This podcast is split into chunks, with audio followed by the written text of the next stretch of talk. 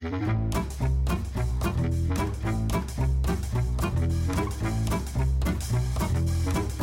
hører på Jernmos. Eh, ja, da må vi gratulere alle med dagen. Eller gratulerer Ja, man med påskeaften? Ja, her, her popper vi ut av påskeegget og sier Ta-da! Happy, Happy, påskeaften, gratulerer, du vant en Du vant uh, You get a resurrection, and you get a resurrection, and you get a resurrection. Men de vant. Alle har faktisk vunnet en bonusepisode. En påske, et lite påskeegg fra oss. vi, eh, vi slår til i god gammeldags eh, Oprah-stil og har noe under stolen for alle sammen. Oh yes. Oh yes, Og vi følger opp fjorårets suksess, eh, hvor vi lanserte vår første påskekrim, Yes. Radioteater. Mhm.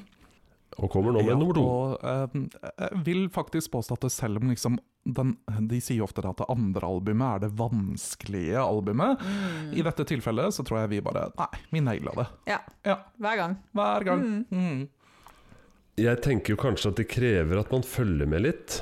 Eh, Men tror gjør jeg, ikke alle krim det? Jo, det gjør for så vidt det. Men det, det er flere aktører her, så her, her må du liksom følge med litt. Ja, Oh, er det en eller annen krimforfatter som vi kan disse her? Jo Nesbø. Altså, vi, vi har ikke laga, Jo Nesbø-krem, liksom. Da må du følge med. Nei. Nei. Ja, det var- den var kanskje litt drøy, faktisk. Men, eh, men og så hjelper det kanskje hvis du altså, Musikerne har et fortrinn, for de henger vel med på litt ja faguttrykk her. iallfall om de klarer å forstå faguttrykkene når vi you know, maltrakterer dem i uttalelsen vår. Men uh, når du sier vi, så mener du Eh. Jan Erik. ja, men Eh, Ja. Men jeg har jo jobbet i eh, en eh, Jeg har jobba som nesten som musiker ja, i flere år. Mm. Så ja, nei, du en, Ja, hvis man bare observerer selv lenge nok, så lærer man. Det er sånn man blir musiker, har jeg hørt. Ja, Ved å jobbe tett på de. Ja. Nei, så vi, vi ønsker jo alle en strålende ferie, og at de får kose seg med ei lita halvtimes Ja. radioteater. Jeg tenker jo at det, nå er det liksom Nå må du sette deg godt til rette og liksom dra pleddet litt opp og over eh, føttene der du sitter på hytta i, eh, på denne påskefulle, stormende aftenen. Vent da, stormfulle påskeaften! Ja, Det kan, Ja, ja, det kan godt hende mange er fulle også. ja men, men ta frem en kopp kakao. Pass på at du lager den selv, og at ingen andre lager den for deg, fordi da kan det fort gå galt. Mhm. Lås Mhm. dørene. Slå f- ja, Ha på sant? lys. Slå for, vent da, slå for gluggen, det sier man ikke. Jeg tror ikke Nei. Slå Slå lemmene lemmene for. for. Ikke sant. Ja. Slå på lemmene. Da må du sørge for å være alene. ja, og det er ikke en sann historie, Nei. håper vi. Nei. Hvis du slår på Nei. lemmet i løpet av denne historien, så har du problemer. Ja. Og vi kan vel også avsløre at det er flere som har problemer i denne Ja. historien. Det, det, det er opp til flere. Opp til flere. Jeg tror til og med skuespillerne og forfatteren hadde litt problemer underveis også. Ja, Ja, dette er vel delvis lest av forfatteren. ja vet vi egentlig det? Altså, hva, hva er det denne forfatteren Jeg vet egentlig ikke heter? det. Sannsynligvis så er stemmen i hvert fall ikke er ikke. Har dere noe mer dere vil si til Absolutt våre kjære lyttere? Send marsipan. Send marsipan. Så kos dere masse. Her kommer årets eh, påskekrim fra Jernmos. Den heter Concerto Gross. Oh.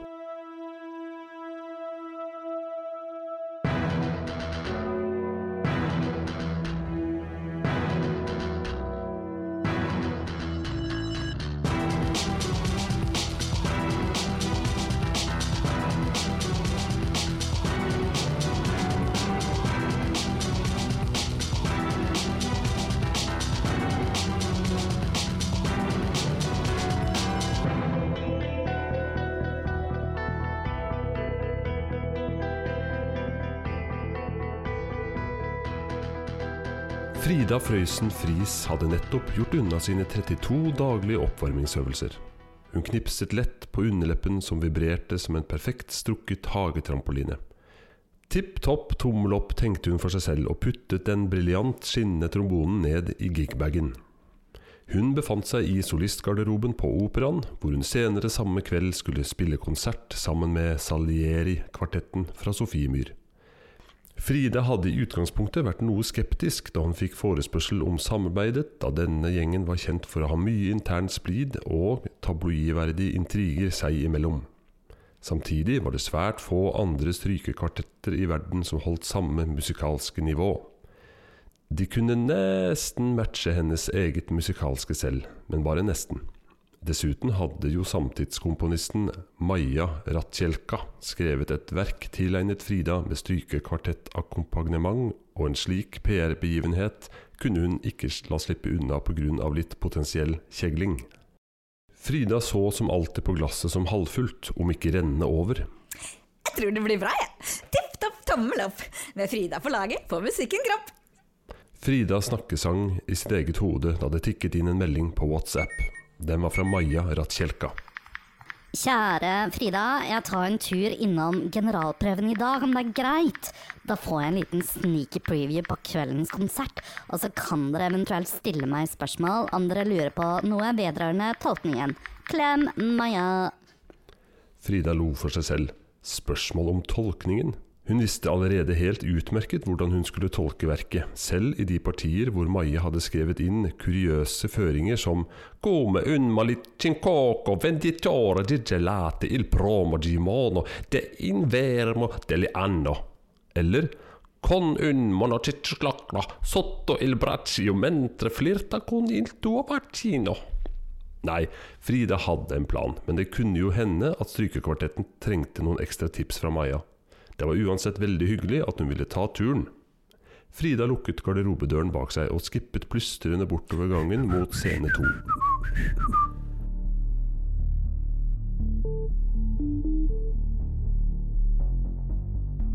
På scenen hadde allerede kvartetten rigget seg til. Den besto av førstefiolin Gerd Granskau, en liten og nokså spak dame med et spisst ansikt og rektangulære briller som var en anelse for smale til å kunne anses som kledelig. Hun var av den typen musikere som var teknisk genierklært, men veldig opptatt av tradisjon, historikk og musikalsk jantelov. Faktisk på randen til det nevrotiske. Slik spilte hun også. Teknisk perfekt, men dørgende kjedelig. Hennes rake motsetning, Heming Stoltz Hane, spilte andrefiolin. Han var som en gresk statue. Blonde, bølgende lokker. Asurblå øyne som man kunne spotte på fem kilometers avstand. Kinnbein som kunne kutte skifer. Han var rett og slett staselig, syntes Frida. Hemming spilte alltid med masse følelsesladet patos, men ikke uten at det gikk på bekostning av det tekniske. Betty Buffett spilte bratsj. Hun var en rotete, men veldig søt og hjertelig middelaldrende dame med hår satt opp i et gedigent kråkereir. Betty fant dessuten reiret beleilig som oppbevaringsplass for diverse krimskrams som blyanter, strikkepinner, pillebokser og lignende.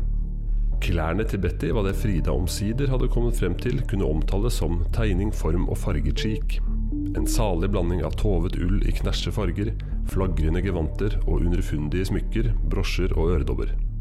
I dag hadde hun en altfor lang påfuglfjær hengende fra det venstre øret og en knæsjgul smileyface-øredobb i det høyre. Amalie Snøfres, cellist, var en platinablond isdronning med det som Fridas venninner likte å kalle definisjonen på resting bitchface. Amalie var rett og slett alltid sur, og hadde ikke noe positivt å komme med noensinne.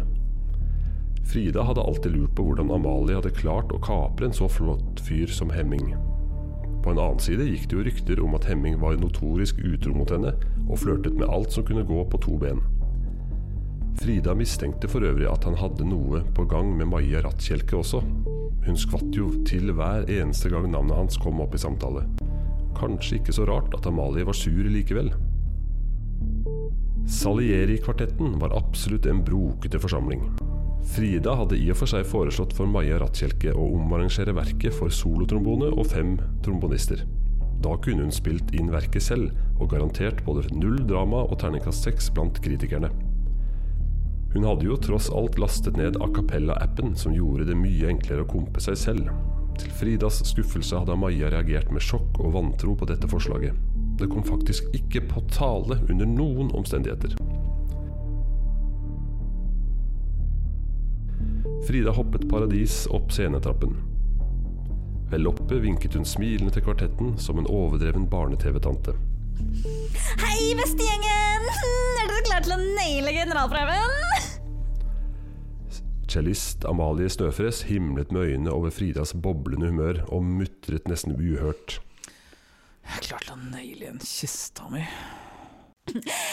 Jeg tenkte vi kunne spille igjen og stikke i dobbelt tempo, slik at vi sparer litt tid. Der røyka jeg innom Fendi på Karl Johan før konserten. De ringte i går og tryglet meg om å ikle deres nyeste reaksjon på konserten i kveld. Førstefiolinist Gerd Granskau protesterte. Dobbelt tempo! Men Kjærsoen har tempomarkering 190, og du har jo 32 deler gjennom hele satsen og 14 med utskifter. Det er teknisk umulig. Det er da ingen sak, Gerd! Jeg bruker bare min egenutviklede superkvikke kvintuppeltungeteknikk og gir på litt ekstra med min høyre lunge. Vi kunne faktisk ha spilt igjen med fire dobbelt tempo, men det spørs om noen andre enn meg klarer å henge med. Nei da, beste gjengen. Vi kan spille det i 190 slik at alle er komfortable. Vi kan til og med ta det ned til 150 for din skyld, Gerd. Hva? Nei, nei, nei altså. Eh, Jeg klarer utmerket fint å spille i tempo, for all del. Eh, La oss ta det i 190. Det er det som står på notene. Er du helt sikker på det, Gerdi? Amalies resting bitchface snudde seg mekanisk og iskaldt mot Gerd, samtidig som hun tok opp en neglefil. Du er jo litt ute av form, kjære deg, men sånn er jo bare å forvente etter en liten spillepause. Kjedelig med håndleddsbrudd kan sette en mange år tilbake som musiker. Jeg, jeg er sikker. Kan vi bare sette i gang, kanskje? Jeg Hun ble avbrutt av andrefiolinist Hemming Stoltz Hane. Gerd, bare si ifra om du vil at jeg skal spille førstefiolin fram til du har spilt deg opp i form igjen. Skulle håndleddet ikke heles, så kan vi jo bare bytte stoler permanent. Gerd så plutselig veldig brydd ut og begynte instinktivt å massere håndleddet sitt. Gerd, om du fortsatt har vondt, så har jeg et remedie til deg her. Bratsjist Betty Buffet plukket ned en liten boks fra kråkereiret av en frisyre. Jeg har laget det helt selv. Det er en blanding av harpiks, Voltaren, aloe vera og, og salvie.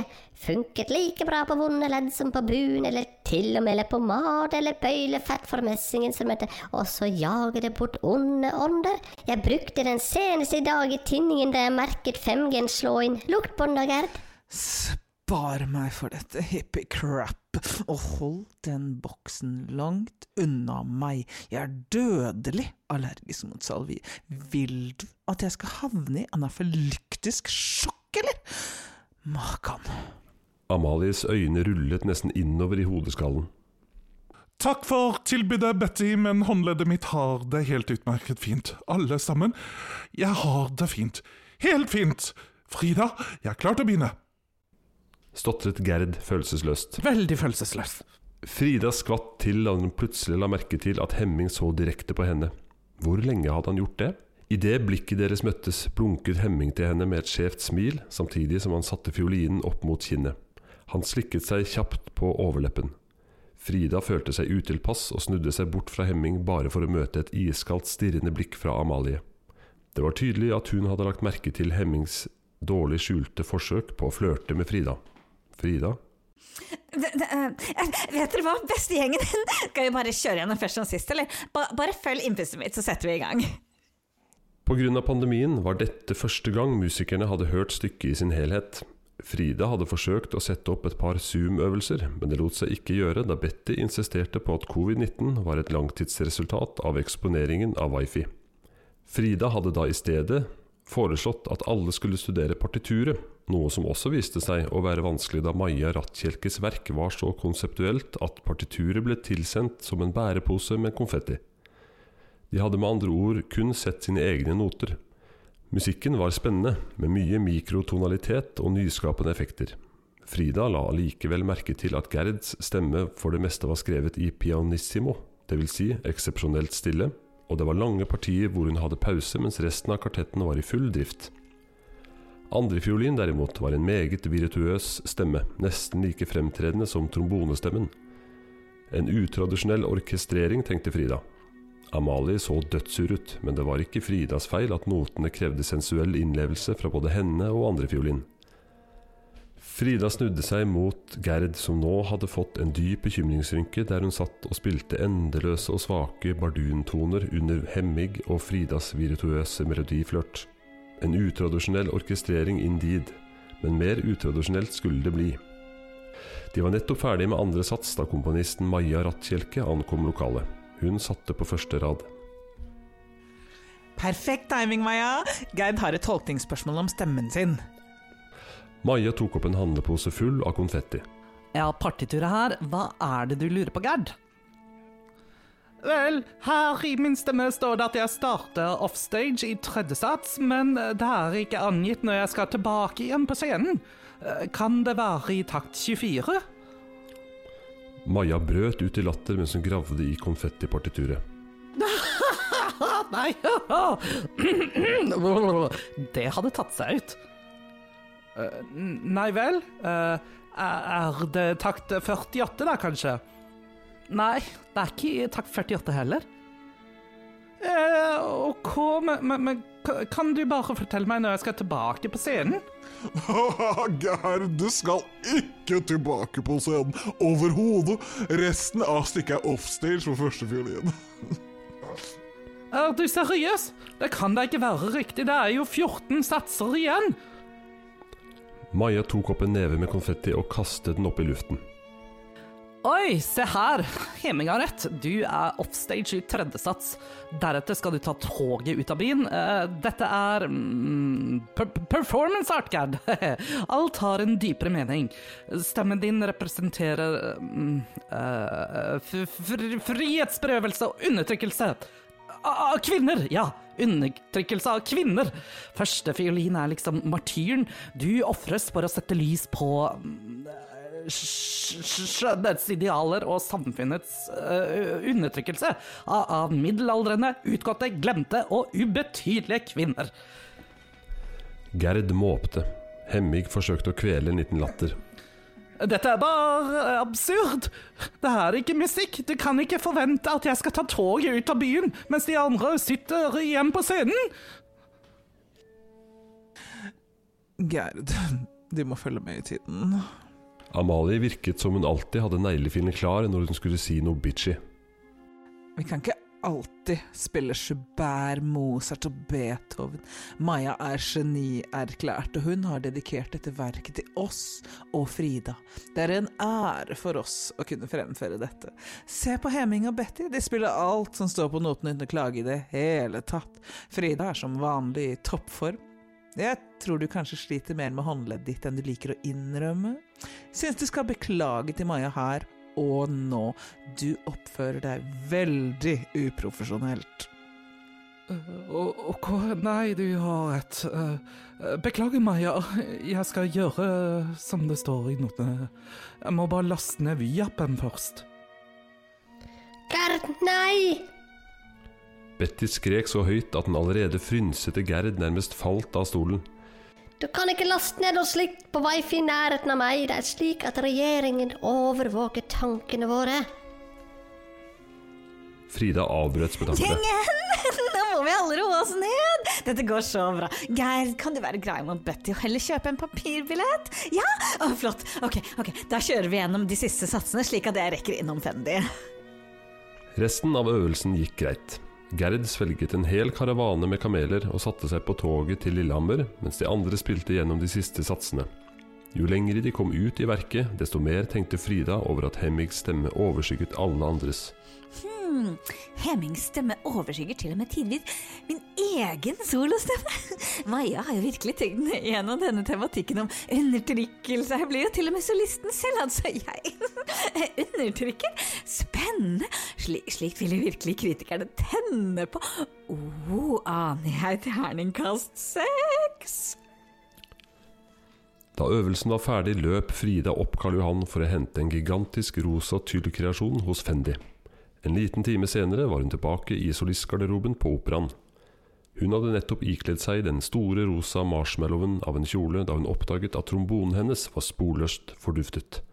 Hun lette høyt og lavt, men garderoben var klinisk tom foruten en påfugl fjær som lå på gulvet. Frida plukket den opp og kikket nøye på den. Underfundig? Frida gikk ut av garderoben sin. Ute i gangen støtte hun på Gerd.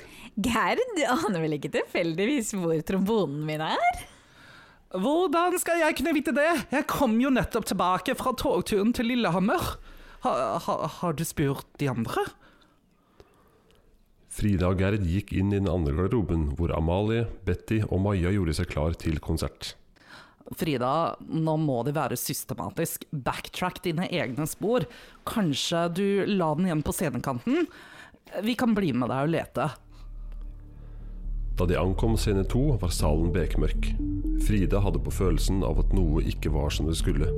Heldigvis var Frida alltid forberedt til fingerspissene for enhver konsert, noe som også selvfølgelig inkluderte innstudering av plantegningene for operaen. Ifølge min fotografiske hukommelse burde lysbryteren være her.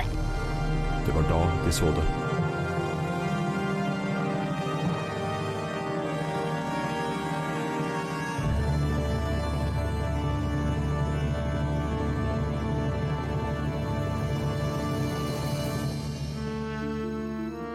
Midt på scenen satt Hemmig i en pøl av blod. Kjeven hans var knekt åpen på groteskt vis, og ut av munnen stakk Fridas trombone. Lengre ned hadde trombonen boret seg ut gjennom magen og fungerte nå som trakt for Hemmigs mørkerøde, fossende blod. Min gode gud, jeg har jo nesten hatt den på service! Og nå er den full av blod og bøylefett. Frida røsket trombonen ut av Hemmigs munn og studerte den nøye. Hun la deretter håndflaten på Hemmings panne for å sjekke temperaturen på liket. Hun sjekket deretter lommene hans, hvor hun fant et merkelig tykt dokument bestående av sammenlimt konfetti, Frida, vi må ringe politiet! sa Gerd stresset. Nei, nei, jeg tror vi fint kan avsløre denne morderen helt av oss selv. Frida hadde samlet alle sammen i foajeen. Tre fjerdedeler av kvartetten og Maja satt ubekvemt på stolene sine.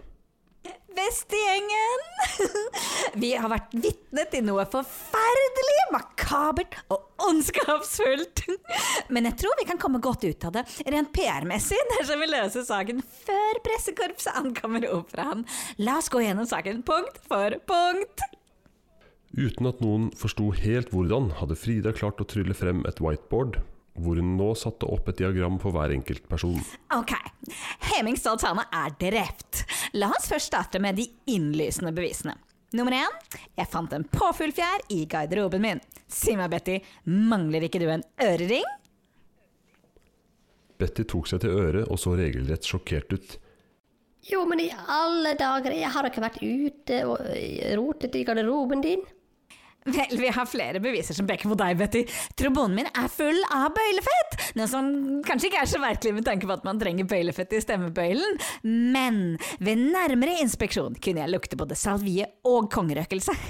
Trombonen er rett og slett tilgriset med din salige hjemmelagde miksur av Harpix Voltaren Mumbo Jumbo. Men hvorfor skulle jeg drepe Hemming? Jeg har ingen grunn til å ønske å ta livet av han. Nettopp! Du mangler motiv! Jeg tror noen prøver å gi deg skylden for mordet. De resterende mistenkte så på hverandre med sjokk og vantro. La oss derfor se på hvem som kan ha hatt motiv. Det mest innlysende er Gerds motivasjon. Hun frykter jo helt tydelig å miste plassen som første fiolin til Hemming, noe som veldig tydelig kom fram under øvelsen i dag. Du er jo rett og slett litt unhinged, er det ikke, Gerd? Gerd begynner å hyperventilere. Men, men Jeg har ikke drept noen. Ok, ok, Gerd, ta det med ro. Pust med magen. Der, ja. Bruk Alexander-teknikk nå. Så, så. Dette er bare en del av den perfekte oppbygningen av en kriminalfortelling. Jeg ville ikke ha avslørt at morderen som nummer to i rekken av de mistenkte. Du har motiv, men du kan ikke ha utført mordet. Jeg kjente nemlig på temperaturen til liket, og det var iskaldt. Død i minst 45 minutter. Ifølge mine kalkulasjoner ville det vært sånn cirka på harestua på toget da mordet fant sted. Du er også uskyldig. Gerd svimte av og ramlet ned i fanget til Betty. Amalie himlet med øynene. Så da antar jeg at du nå kommer til å anklage meg for å ha myrdet min egen kjæreste? Helt korrekt! Motivmessig her snakker vi sjalusi, den farligste av synder. Heming har ligget med halve Oslo-filharmonien, og mest sannsynligvis også operaorkester, samtlige forsvarskorps og Kampen Janitsjar-orkester, mens han har vært sammen med deg. Og kanskje begeret rant over i dag da du betraktet han mens han blunket til meg. Men så husket jeg at du sa at du har salvieallergi, og trombonen min var jo tilgriset med Bettys merkelige Harpix Voltaren salviemikstur, så du kan faktisk ikke ha drept Heming uten å havne på sykehuset selv. Jeg hadde faktisk tenkt å drepe han, Frida. Jeg hadde dolken klar i lommen. Men noen kom meg i forkjøpet. Da gjenstår det vel bare Maja? Hæ? Eh, Men, men hvorfor skulle jeg drepe han, da? Det finnes verken motiv eller bevis i mitt tilfelle. Jo da! Beviset har vært foran oss hele veien! Det har bare vært fragmentert, bokstavelig talt. Frida tok frem det merkelige sammenlimte dokumentet hun fant i Hemmings lomme. Hemming har teipet sammen konfetti til et faktisk partitur! Se her øverst i hjørnet. Dette er en uskrift fra www.royaltyfree.sheetmusic.generator.co.uk. Maja, du er en bedrager! Du skriver ikke musikken din selv. Du har bare trykket på en knapp. Snipp og snapp, og vips har du generert et flunkende nytt verk på to sekunder. Det gikk et kollektivt gjesp blant forsamlingen. Men dette beviser jo ikke at hun har myrdet Hemming, bare at hun er en kjeltring. Det er her ting blir ekstra utspekulert. La meg forklare. Heming ønsket å overta plassen til Gerd. Det kom veldig tydelig frem på øvelsen i dag. Han limte derfor sammen partituret for å kunne være mer forberedt. Og det var da han oppdaget at Maja var en bedrager, og en ond plan ble smidd. Jeg tror han truet Maja med å avsløre bedrageriet til pressen, med mindre hun omskrev stykket til hans fordel. Maja har faktisk byttet om på stemmene for første og andre fiolin, slik at Hemming fikk en mer fremtredende rolle. Og det var Gerd som måtte reise med toget ut av byen. Se her, det står på sort på hvitt i partituret. Maja Rattkjelke drepte med andre ord Heming for å bevare sin egen hemmelighet. For å kaste meg av sporet forsøkte hun å gi Betty skylden ved å legge igjen øreringen hennes i garderoben min og tilgrise trombonen min med hippie-miksturen. Det var ikke så lurt, siden Betty manglet motiv, og de samtidig utelukket mistanke mot Amalie. Død og fordervelse! Jeg hadde kommet unna med gjerningen hadde ikke vært for deg, din overblide trombonevirtuos! Freste Maja. Ti minutter senere ankom politiet og fengslet Maja.